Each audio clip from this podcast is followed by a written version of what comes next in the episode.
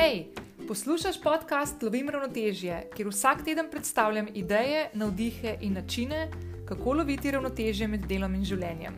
Klikni subscribe in bodi na tekočem s svežimi objavami.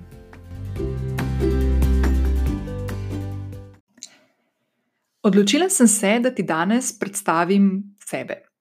Mislim, da je uh, korektno in pravilno, da uh, ta podcast, v katerem želim ujeti predvsem vsebine, ki bodo tebi v pomoč, oblikujem na način, da govorim čim manj o mojih osebnih uh, pa poslovnih stvarih, na način, da se koncentriram le na sebe, ampak ti poskušam skozi vso vsebino dati neko vrednost um, in neke informacije, navdihe, motivacijo, ki bodo pomoč tebi v življenju nasplošno pri delu ali pa na neki poti v samostojno podjetništvo, ki se je lotevaš ali pa želiš vanjo stopiti. Danes ti bom predstavila svojo zgodbo, v katero bom prepletla tako neke zasebne trenutke, ki so vplivali na to, kako sem skozi življenje hodila po poslovni poti in prešla iz um, zaposlenosti v samostojno podjetništvo. Uh, Uh, najprej bi ti rada povedala, da se zadnjih 16 let uh, ukvarjam s PR-om. To pomeni, da v veliki večini moje delo uh, temelji na tem, da imam pogoste, redne odnose z novinarji, z uredniki, z mediji uh, in da mojim naročnikom, uh, ki me najemajo za to storitev, omogočam in, um, in pomagam pridobivati neke vsebine v medijih v obliki uredniških vsebin. To pomeni ne skozi oglase, ampak skozi članke, komentarje, intervjuje in tako naprej. Enkrat nasled, v enih nasled, od naslednjih od, uh, epizod ti bom razložila uh, malo več o tem, kako poteka moje delo, kaj točno sploh je PR, kako se tega lotevam, tako da, bova, da se bova razumeli tudi vnaprej. Uh, danes pa ti želim nekako predstaviti mojo zgodbo, kako sem se sploh znašla uh, v čevljih, v katerih hodim danes. Uh, Bova šli kar nekaj, nekaj, nekaj, nekaj let nazaj, konkretno je verjetno kakšni 20 let nazaj. Uh, takrat sem bila še v, uh, na, na srednji šoli, tretji, četrti letnik srednje šole, sem vsa vesela že hodila na festival Zlati Boben, tako se je takrat imenoval, kasneje so, so ga preimenovali v Golden Drum. Uh, in uh, z občudovanjem spremljala um, ljudi, ki so se pojavljali na odru in imeli predavanja, uh, predstavljali svoje kampanje, in tako naprej. Uh, Uh, jaz sem se že nekje v tretjem letniku uh, gimnazije odločila, da želim študirati komunikologijo. Torej, želela sem si in moje želje so bile naslednjih nekaj let, tudi kasneje, uh, usmerjene v smer, da želim delati v oglaševalski agenciji. To je bilo daleč daleč nazaj in bistveno prej, kot se je potem zgodila tista uh, popularna nadaljevanka Mad Men, ki sem jo mimo grede gledala šele nekaj let nazaj. Ampak dejansko, če si gledala to nadaljevanko, potem veš, kakšno približno sem imela tudi jaz neko predstavo o oglaševalski. Uh, oglaševalskem svetu, o delu v oglaševalskih agencijah, ki se mi je zdelo tako romantično, krasno, spodbudno okolje, polno idej, polno zanimivih karakterjev, in tako naprej. Um, Moja pot iz gimnazije se je res nadaljevala na fakulteti za družbene vede, kjer sem izbrala komunikologijo. Prve, prvih nekaj let sem delala uh, po izrednem programu, ker uh, je bilo toliko navala, da enostavno nisem bila sprejeta v redne študente. Um, in do četrtega letnika uh, sem res bila prepričana, da moja pot ne more biti drugačna kot takšna, da grem v oglaševalsko agencijo. In potem se je zgodila ena stvar v četrtem letniku, in sicer sem prebrala eno knjigo, ki je imela naslov 2999 dolarjev. Uh, in v tej knjigi je en francoski kreativni direktor, uh, predvsej znan v tistem času, um, opisal skozi svojo, v bistvu je to njegova biografija, um, je opisal življenje v oglaševalskem svetu. In meni se je takrat ta svet mal zagabil, čisti iskreno. In sem se znašla v četrtem letniku, tik pred diplomo, na nekem takem razpotju, ko sem ugotovila, da vsa leta, ki sem jih vložila v študij, da bom nekoč delala v oglaševalski agenciji, so dejansko šla v, v nič. Tako, tako, tako je takrat zvenelo in tako sem se takrat počutila. Um, zato sem sprejela odločitev, ki je na koncu se izkazala za zelo pametno in sicer, da bom iskala službo na strani naročnika. Se pravi, da bom šla v neko podjetje, um, poiskala službo v nekem marketinškem oddelku in spoznala naročnikovo stran. Se pravi, spoznala naročnika in kaj naročnik navadno pričakuje od oglaševalskih agencij.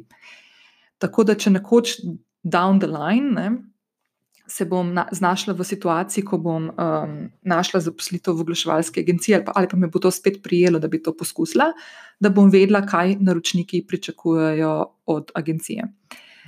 Um, jaz sem šla na prvi razgovor za tako službo, to je bilo, mislim, da pol leta preden sem potem dejansko diplomirala. Uh, In na drugem razgovoru, prvi krok sem oddelala uh, in je šlo fino skozi, na drugem razgovoru me je pa pričakal moj bodoči, potencijalni bodoči šef, direktor marketinga. Uh, ime mu je bilo Lorenzo. Če me poznaš in spremljaš, potem verjetno že veš, kam bom zdaj zgodbo zapeljala. Za vse tiste, ki me spremljate danes prvič, se vam bo zdelo malo čuden, ker bom zdaj to povedala eno tako zelo zasebno um, zgodbo, kako se je prepletla v mojo uh, siceršnje življenje, tudi poslovno, ampak jo moramo omeniti, zato da bom znala vse stvari lepo v kontekst zapeljati, zakaj danes nisem več v marketingu, ampak sem v PR-u. Um, jaz sem na tem razgovoru z mojim bodočim šefom uh, doživela en tak. Um, Zanimiv moment, v bistvu smo ga oba doživela. Mi dva smo se na razgovoru zaljubila, eno drugega. In um, Jaz sem na koncu dobila službo in kakšen mesec, dober mesec potem, ko sem začela delati v tem podjetju, sva dejansko postala fant in punca. In zato, ker sem bila vzgojena v družini, ki je imela visoka moralna načela in, ena, uh, in, in vrednote, in ena, ena od stvari, ki absolutno ni šla skozi um, in je nisem mogla sprejeti, je bila ta, da delam v podjetju, v katerem je moj šef tudi moj fant. In se nikakor nisem dobro počutila v tej vlogi. Zato sem že od samega začetka iskala neke možnosti in priložnosti, da bi, se, da bi našla nek prostor znotraj podjetja, ki ne bi bil direktno podre, v podrejeni vlogi z mojim fantom. Um, in zelo hitro se je pokazala prilika, uh, ko je to podjetje, v katerem sem delala, um, organiziralo novinarsko konferenco. To je bila prva novinarska konferenca. Um, Naj še povem to v medklicu, da so bili lastniki tega podjetja tujci in da so iskali in potrebovali nekoga, ki bi mu lahko zaupali upravljanje in komuniciranje na vzven, se pravi na vzven z strankami, skupci, strankami, poslovnimi ali pa končnimi uporabniki in konec koncev tudi z mediji, z novinarji in uredniki. Uh, takrat so imeli sicer najetega enega gospoda, enega zunanjega PR-ovca, Ampak nihče od mojih šefov in nadrejenih dejansko ni čisto dobro vedel, kaj ta gospod počne. Uh, zato so želeli nekako imeti tudi nekoga znotraj podjetja, ki bo sodeloval s tem zunanjim PR-ovcem in vodil celotno komunikacijo. In takrat se je pokazala prilika, da jaz tudi skočim v, v ta segment. Uh, jaz nikoli nisem imela nobenega načrta in nobene želje v, potem, da bi delala v PR-u, tudi ko sem še študirala si nisem nikoli izbrala uh, nobenega predmeta izbirnega, ki bi šel v to smer, pa mi je danes mogoče malo žal, ampak takrat sem enostavno razmišljala res čist drugače in imela željo potem, da delam v marketingu, ne v PR-u. Um, ampak um, zadeva je šla tako naprej, da sem se jaz, mislim, da kakšne 3-4 mesece potem, ko sem začela delati v tem podjetju, znašla v situaciji, da sem. Um, Dejansko znotraj tega podjetja oblikovala novo delovno mesto, in to je bil uh, svetovalec za odnose z javnostmi, oziroma vodja službe za odnose z javnostmi, čeprav sem na njej samo jaz. In tako sem se jaz zelo elegantno um, predstavila izpod mojega direktorja marketinga, mojega fanta Lorenca, pod glavnega, odgovornega generalnega direktorja podjetja, uh, kamor načeloma sodi PR-ovec. Um, tako da uh, to je razlog, zakaj jaz danes, že 16 leto, delam na področju odnosov z mediji oziroma na področju PR-a. Jaz sem kasneje v tem podjetju delala še dobro leto in pol, uh, potem so podjetje prodali um, in je nastala neka taka nova energija, nova. Um, nova kultura podjetja, ki mi ni več odgovarjala, in sem poiskala neko novo priložnost. Takrat sem se za kratek čas, mislim, da bo to samo šest mesecev, vrnila v marketing in v eni od zasebnih podjetniških šol v Sloveniji vodila uh, marketing in prodajo. Uh, zelo malo sem ugotovila, da tudi to okolje za mene ne bo ravno zelo stimulativno, ker je bilo zelo, um, kako naj temu rečem. Če si gledala film Hudičev, kot pravi, je zelo podobno temu. Pa to mogoče zdaj ni lepo, da povem, pa bodimo iskreni. Tako da jaz po pol leta uh, sem se odločila, da bom pustila to službo. Uh, in usporedno s to odločitvijo se je pokazala še ena prilika, da skočim v London, uh, da grem poskusiti srečo v enem velikem mestu, kot je prestolnica Velike Britanije. Uh, vedno sem si želela živeti v nekem velikem mestu, vedno sem sanjala o tem, da bom šla nekoč ali v New York, kjer živi tudi moj stric, pa mogoče tam poiskala neko priložnost, ali pa London, ali pa kakšno veliko, veliko mesto. Uh, ker sem si vedno želela dobiti izkušnjo na velikem trgu. Uh, meni je bila Slovenija vedno, vedno, ko sem bila mlajša, m, premajhna. Ogromno stvari me je motilo, motilo me je to, da se vsi med sabo poznamo, motilo me je to, da hodim po cesti in poznam ljudi, motilo me je to, da delam s premehkimi budžeti, da so, da so kampanje, ki se jih tukaj dela, uh, in zgodbe, ki se jih tukaj dela z naročniki, premehne. V glavnem, željo sem imela potem, da izkusim življenje v eni veliki milijonski prestolnici. In takrat, ko sem bila zelo, zelo nezadovoljna v službi, v kateri sem jo še dobro začela, se je ta priložnost, da skočim v London in da grem živeti uh, v angliško prestolnico, pokazala kot neka taka priložnost, ki jo ne morem, ki jo ne smem zamuditi.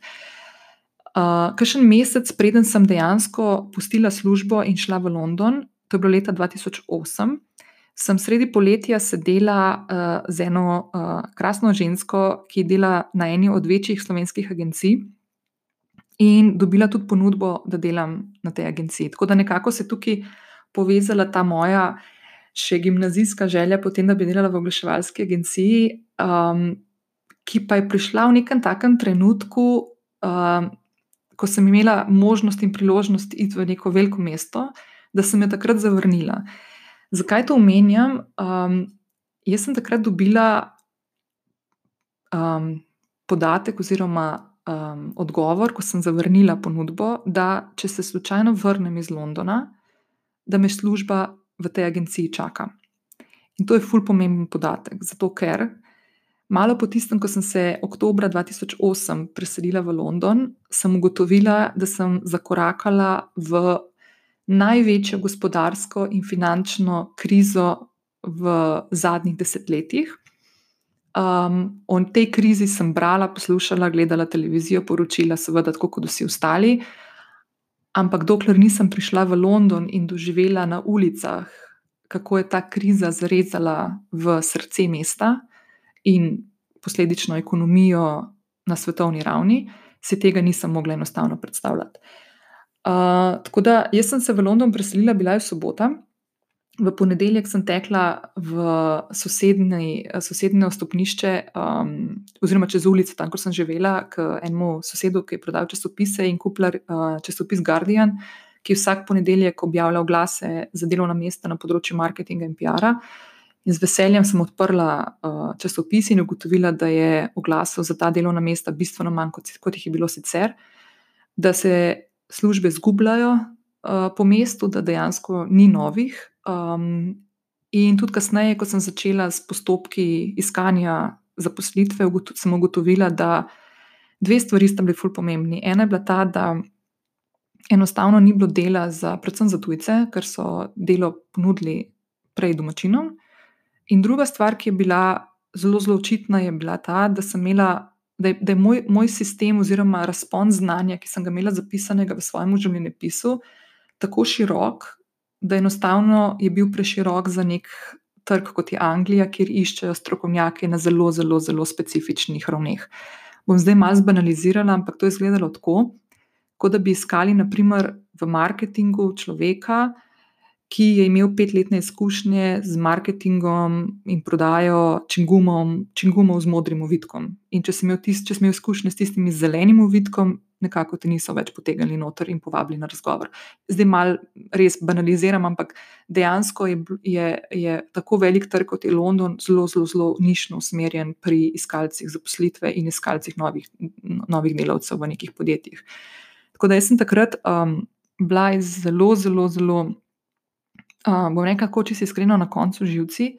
Znašla sem se v situaciji, ko sem, uh, kakšen mesec in pol potem, ko sem prišla v mesto, dobila zaposlitev v eni založniški hiši, kjer sem delala take zelo, bom rekla, operativne uh, zadolžitve. Um, zaslužila sem premalo, da bi s tem lahko živela v Londonu, v centru Londona.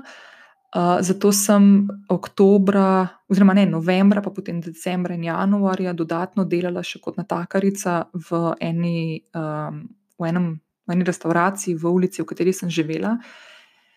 In takrat sem se prvič srečala z, z delom natakarja. Jaz nikoli, tudi kot študentka, pa ni nič narobe s tem delom, nikoli kot študentka nisem delala kot natakarica, ker sem vedno, vedno imela nekako, sem našla neke druge zaposlitve. Tudi v času študija sem delala kot novinarka na časniku Finance, sem delala, sem ogromno stvari pisala za druge in tako naprej. Tako da sem se vedno nekako znašla drugače. In um, pri 30 letih, sredi Londona, sem prvič prijela v roke pladen uh, in doživela res tak napad na moj ego. Sem se mogla fino pogovoriti sama s sabo, da sem naslednje tri mesece oddelala tudi to delo, In če ti povem, kako je to izgledalo, ker včasih dobim občutek, da ljudje si predstavljamo, kot da je življenje v tujini tako zelo sansko in tako naprej, in da se tam cedi tam mleko in metne. Um, jaz sem delala v tisti založniški hiši 8 ur vsak dan, potem sem tekla domov, se preoblekla, nekaj na hitro pojedla in šla delati še za 4 do 5 ur. Tako da sem delala verjetno vsak dan vsaj 14 ur, če ne več. In bila sem zgarana. V življenju, v življenju nisem bila tako fizično in psihično zgarana kot takrat. Tako da pol leta kasneje, bil je marec 2009, um, sem se odločila, da imam dovolj, da sem prestara za te scene. Uh, spakirala sem kavčke in se preselila nazaj domov. Zdaj še en medklic. Um, jaz sem takrat v, v žepu imela, mislim, da 300 funtov ko sem naredila menjavo v evre, mislim, da je bilo to edin, edinkrat v zadnjih desetletjih, da je bil funt. Da je bil uh, evro močnejši od funta, in sem dobila na koncu v enih 250 evrov, in s tem sem prišla po pol leta nazaj iz Londona v Ljubljano. En teden kasneje sem začela delati na tisti oglaševalski agenciji, ki mi je že poletje predtem, preden sem odšla v London, ponudila delo. Tako da sem potem se znašla v oglaševalski agenciji, kjer sem sicer delala na uh, oddelku za odnose z javnostmi, se pravi, da sem delala PR naprej, tako kot sem ga delala, preden sem šla v London. Uh, in tam sem ostala dobro leto. Um, jaz sem v času na tej oglaševalski agenciji uh, doživela en težek napad depresije. Bila sem prvič in zadnjič do zdaj uh, na bolniški, skupaj dva tedna. Um, bila sem takrat tudi na antidepresivih zaradi tega, in danes bi morda temu rekli, da sem bila tik pred izgorelostjo. Takrat, takrat je bilo 11 let nazaj, mislim, da te besede uh, še ni bilo, je nismo uporabljali, oziroma tudi tega nismo poznali. Um, Situacije oziroma simptome uh, izgorelosti, in nismo, se nismo o tem toliko pogovarjali kot danes, ko lahko o tem uh, veliko preberemo. Ravno kar, naprimer, so, so išli, išli vsaj dve knjigi na slovenskem trgu, dveh slovenskih avtorjev, um, ki, ki govorita o, o tem, tej problematiki. Tako da um, je to en tak krasen napredek v družbi, ki smo ga dosegali, ampak takrat tega še ni bilo. Tako da jaz sem po dobrem letu službo pustila in jo zamenjala, uh, in stopila nazaj na stran medijev sicer v oddelek za odnose z javnostmi na največji komercialni medijski hiši. Um, in jaz sem oboževala to delo. Jaz sem začela delati na začetku poletja, imela sem krasne sodelavce, razumela sem se z vsemi ljudmi, ki so delali na tej hiši, od tržnikov do novinarjev, do kreativnega oddelka, ki je pripravljalo, ki je pripravljalo uh, najbolj gledane televizijske oddaje in šove. Tako da je bilo noro mi. In mislim, da je bilo še en teden potem, ko sem prišla v to službo, da sem dobila razpored dopustov poletnih in sem rekla, da jaz enostavno ne bom napisala svojih terminov, ker sem ravno začela šele delati tukaj, ne bom, ne bom si že pisala, kdaj bi šla na dopust. Ampak mi je moja takratna šefica rekla: Ne, ne, Nina, ti kar napiš tam enkrat v avgustu, si kakšen teden vzami, ker september bo bo nor in je prav, da se spočiješ. Tako da sem si jaz prvi teden v avgustu vzela frej in šla na dopust. In to je bil edini dopust v mojem življenju, ko sem enostavno komaj čakala, da bom šla nazaj v službo. Jaz sem imela tako rada to službo na tej medijski hiši, tako mi je bilo fino, z vsemi sem se razumela in sem komaj čakala, da bo prišel tisti ponedeljek v drugem tednu avgusta, da se bom vrnila nazaj v pisarno. In pričakalo me je, pričakalo me je eno presenečenje v obliki odpovedi pogodbe.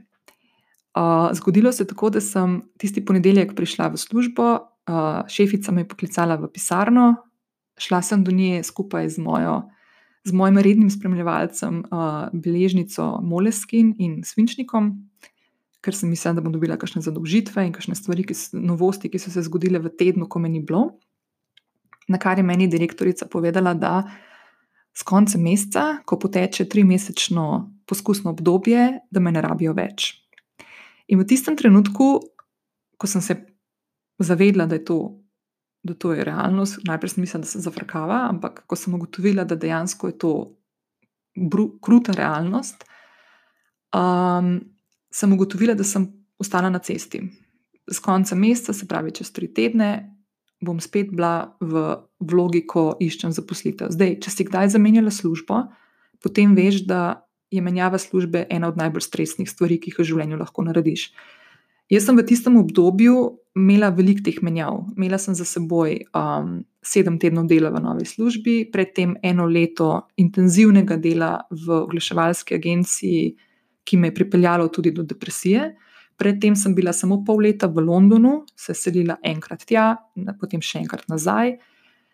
Predtem sem imela še pol leta, ko sem, preden sem šla v London, v neki novi službi. V glavnem, vse te stvari so se pri meni tako nakopičile, da sem se odločila, da edino stvar, ki si jo ne želim v tistem trenutku, ko sem ostala na cesti, je, da bi šla spet v nek krog iskanja zaposlitve. Edina stvar, ki sem jo vedela, je, da ne želim iskati službe, da ne želim iti na razgovore, da ne želim. Sploh nisem bila v, v nobenega občutka, nisem imela, da bi se šla lahko v neki dobri luči komu predstaviti in, in prodajati svoje znanje. Uh, Tako da sem jaz, ko sem zaključila delo po treh, te, po treh mesecih na uh, medijski hiši, sem se upisala med brezposelne na Zavod za zaposlovanje. In takrat sem resno razmišljala, nisem imela nobenega načrta. Takrat sem resno razmišljala o tem, da bi naredila neko prestrukturiranje v svoje kariere, da bi se nehala ukvarjati z odnosi z javnostmi. Meni se je iskreno to kar malce zagablo takrat.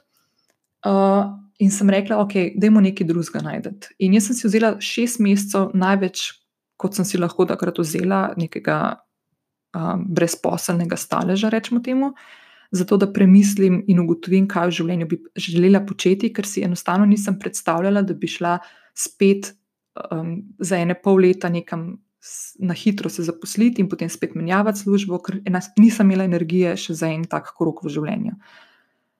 Takrat je na Zavodu za zaposlovanje potekala akcija, da tisti, ki se bodo med brezposelnimi odločili za samostojno podjetniško pot in odprli svoj SP, bodo lahko prejeli od Evropskega sklada, mislim, da je bilo 4500 evrov denarja.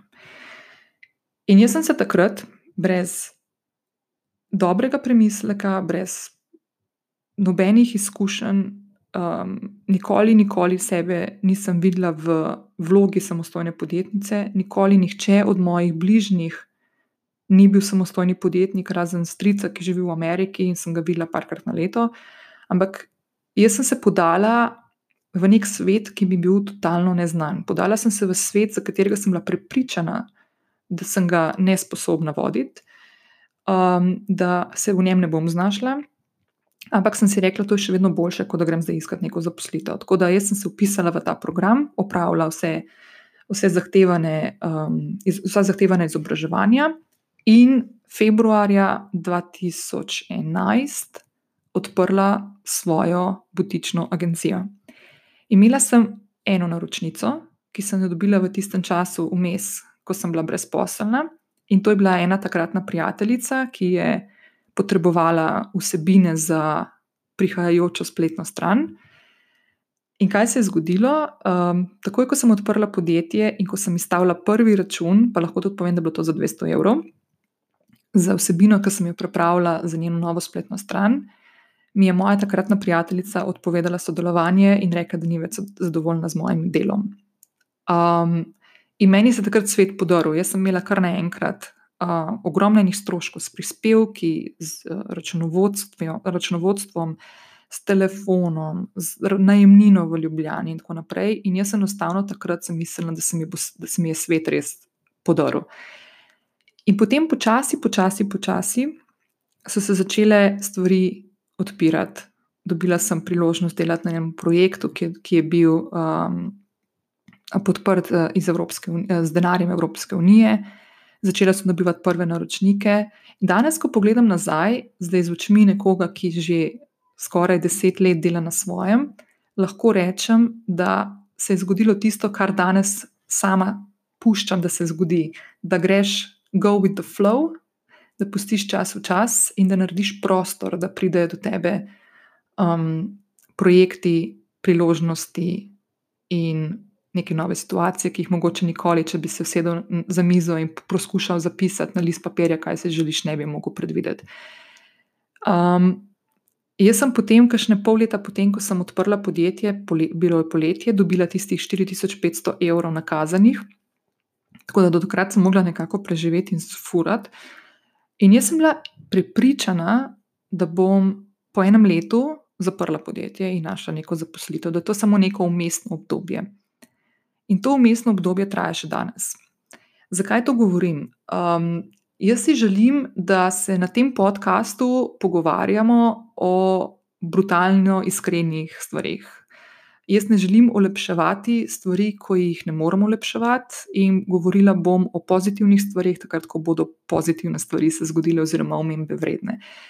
Ne, da bomo tukaj negativni, ampak želim biti iskrena pri tem, kako je, potekalo, um, kako je potekala moja pot, da sem prišla danes do spoznanja, oziroma do trenutka, ko si enostavno ne predstavljam več, da bi delala karkoli drugega, kar delam zdaj. In Danes, ko poslušaš podcast, lovim ravnotežje, verjetno že veš, da poslušaš prostor oziroma podcast, v katerem želim tebe navdihovati v smeri, da tudi ti morda nekoč ugrizneš v samostojno podjetništvo. Tako da Nina, ki pred devetimi leti, ki se je bala tega, da bo stopila v polje, ki ga ne pozna, je bila totalno druga oseba, kot je danes, ker v teh devetih letih sem jaz ugotovila, da sem sposobna voditi samo sebe, voditi samostojno projekte za velike naročnike in za velike in odmevne medijske zgodbe, pa bom o tem govorila kdaj drugič. In skozi devet let sem naredila eno, še eno ful pomembno stvar. Jaz sem bila vedno blazno prestrašena v vseh stvarih. Že kot otrok, se nisem velikrat, um, vem, da bi padla s kotalkami, si razbila kolena. Verjetno se je to zgodilo na eno roko, lahko preštejem kolikokrat. Zakaj se to ni zgodilo? Zato, ker enostavno se nikoli nisem izpostavljala situacijam, ki jih nisem mogla nadzorovati, ali, ali pa imeti občutka, da jih nadzorujem.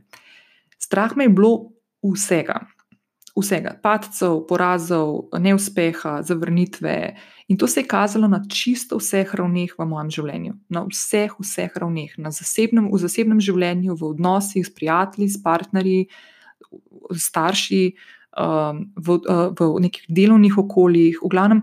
Bila sem nesigurna, ne samozavestna, prestrašena, in iz vsega tega je, je posledično mene vrglo vedno v neko situacijo, ko sem bila v krču, ko niti ni bilo šanse, da bi karkoli lahko naredila prek sebe, ker si nisem dovolila iti prek um, sebe, oziroma svojih ovir, strahov in uh, preprek. Uh, jaz sem v teh devetih letih, pa predvsem v zadnjem obdobju, ugotovila, da to lahko naredim.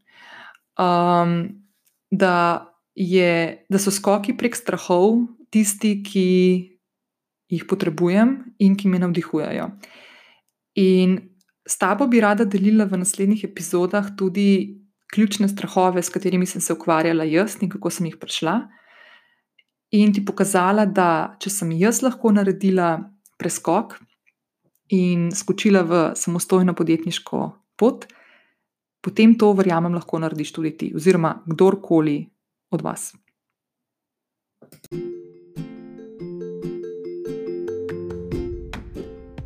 Prišli smo do konca današnje epizode podcasta Lovim ravnotežje.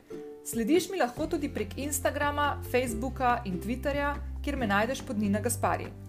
Spletne zapise najdeš tudi na strani ninagaspari.com, kjer se lahko prijaviš na e-novičke, prek katerih pošiljam dodatne vsebine v tvoj e-nabiralnik. Če na iTunes še nisi stisnila subscribe, to lahko narediš zdaj. Tako boš vedno ujela svežo epizodo. Hvaležna bom tudi za tvojo oceno in mnenje tega podcasta, ki ga lahko daš ob prijavi in s tem pomagaš, da ta podcast sliši še več poslušalk. Se slišiva prihodnji teden, ko bova spet lovili ravnotežje. Hvala za poslušanje, želim ti krasen dan.